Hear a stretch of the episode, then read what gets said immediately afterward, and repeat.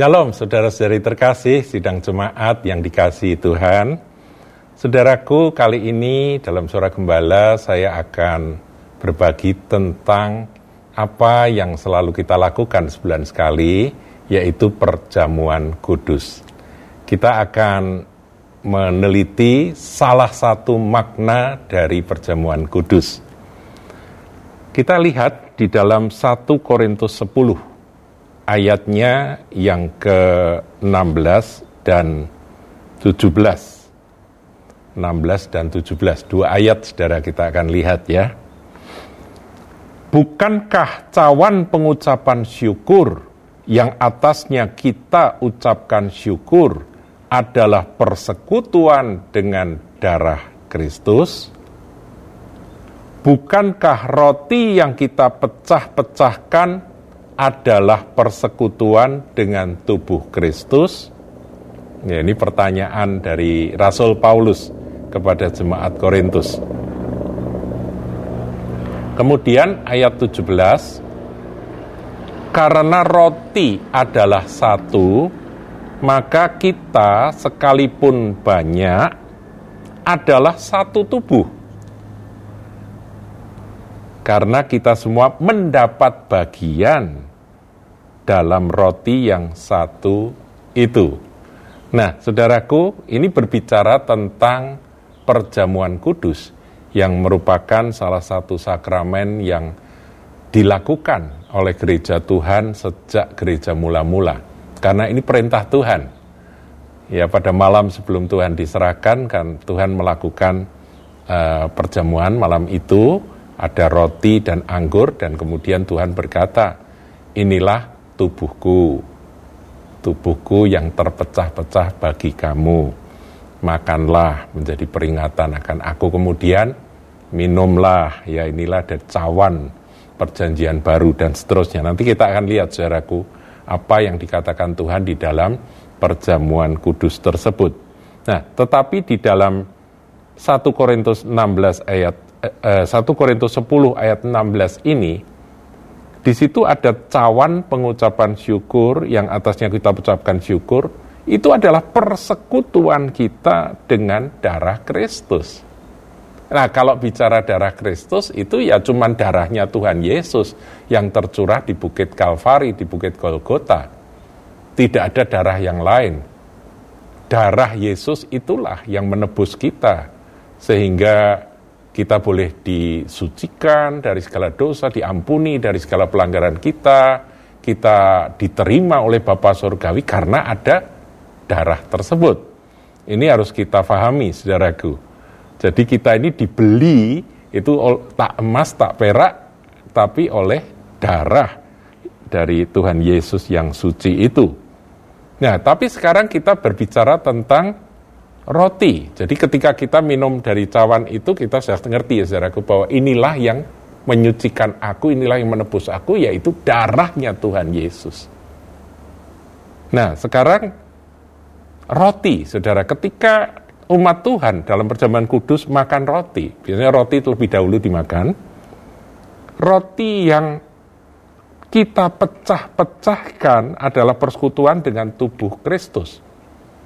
Saudaraku, saya perlu sampaikan bahwa perjamuan kudus yang kita lakukan atau beberapa atau gereja-gereja lain kebanyakan lakukan itu sebetulnya tidak dikenal di dalam gereja mula-mula. Dalam gereja abad-abad pertama, kedua dan seterusnya itu tidak dikenal model perjamuan kudus seperti yang kita lakukan ini. Yaitu rotinya sudah dibagi-bagi, ada yang betul-betul roti yang dari tidak beragi kemudian dipotong-potong begitu ya. Kemudian di masing-masing dapat sepotong kecil karena jemaatnya banyak kan begitu. Atau sekarang lebih praktis dengan hosti ya. Roti yang apa itu terbuat dari uh, apa tepung pipih itu ya saudaraku yang tipis itu. Ini ini nggak dikenal pada zaman Tuhan Yesus atau zaman rasul-rasul karena pada waktu itu kalau mereka makan roti itu benar-benar dari satu satu ban roti gitu saudara ya satu satu roti utuh. Saudara bayangkan roti tawar begitu ya, seperti roti utuh begitu, kemudian masing-masing mengambil dari roti yang satu itu. Nah, lambangnya apa? Di sini dijelaskan. Maknanya itu roti itu adalah satu, satu roti, kemudian yang ikut perjamuan taruh kata 10 orang atau 12 orang begitu, masing-masing mengambil dari roti yang satu itu, roti adalah satu, maka kita sekalipun banyak, sekalipun 10 atau 12 orang, adalah satu tubuh. Jadi masing-masing makan dari roti yang adalah tubuh Kristus, supaya dengan iman kita ini menyadari bahwa kita ini disatukan di dalam Kristus. Antar saudara-saudari yang sama-sama makan dan minum dari perjamuan kudus itu. Kalau minum dari cawan itu berarti ini adalah cawan perjanjian baru yang dimeteraikan oleh darah darahku kata Tuhan. Ya kita minum berarti kita sama-sama umat tebusan. Kemudian ketika makan kita sama-sama di dalam Kristus satu tubuh. Kalau satu tubuh saudara bayangkan seperti eh, Rasul Paulus menjelaskan ya, menjelaskan tentang tentang gambaran tubuh Kristus itu kan kan satu sama lain kan pasti terkait saudaraku, ya kan?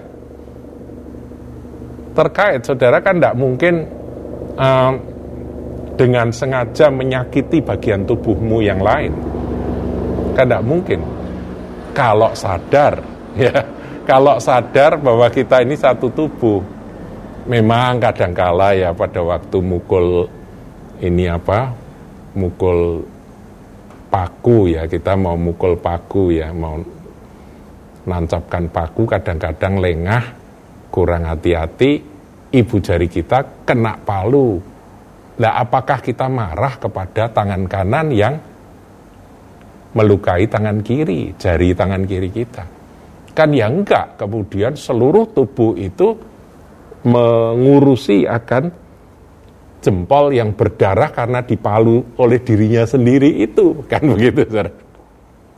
Langsung mulut menghisap darahnya kemudian tangan yang satu yang tidak sakit ini sibuk mencari obat ya betadin atau apa hansaplas atau apa ya kan itu yang yang terjadi seharusnya bisa terjadi konflik di dalam tubuh Kristus. Tetapi kesudahannya adalah seperti itu. Kalau terjadi benturan yang menyebabkan salah satu terluka, itu yang lain-lain menyadari bahwa ini adalah kesalahan kita semua.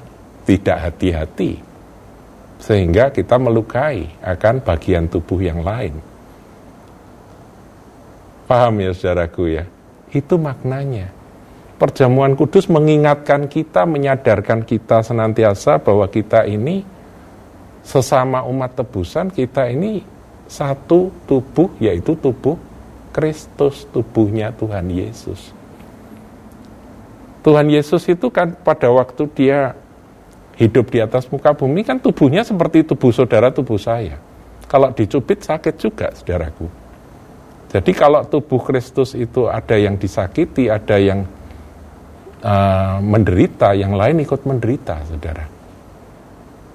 Dan itu bukan hanya di dalam satu gereja lokal,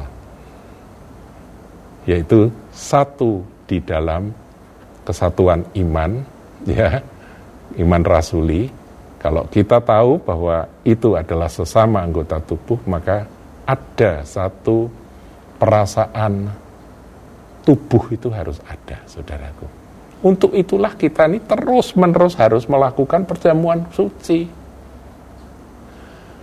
Kita perjamuan suci kan kan harus terus dilakukan, Saudara. Untuk mengingat bahwa roti itu adalah satu dan itu dipecah masing-masing kita mendapat bagian dari roti yang satu itu. Saya berharap sudah nangkep ya, nangkep akan sedikit renungan tentang perjamuan kudus ini. Tuhan Yesus berkati.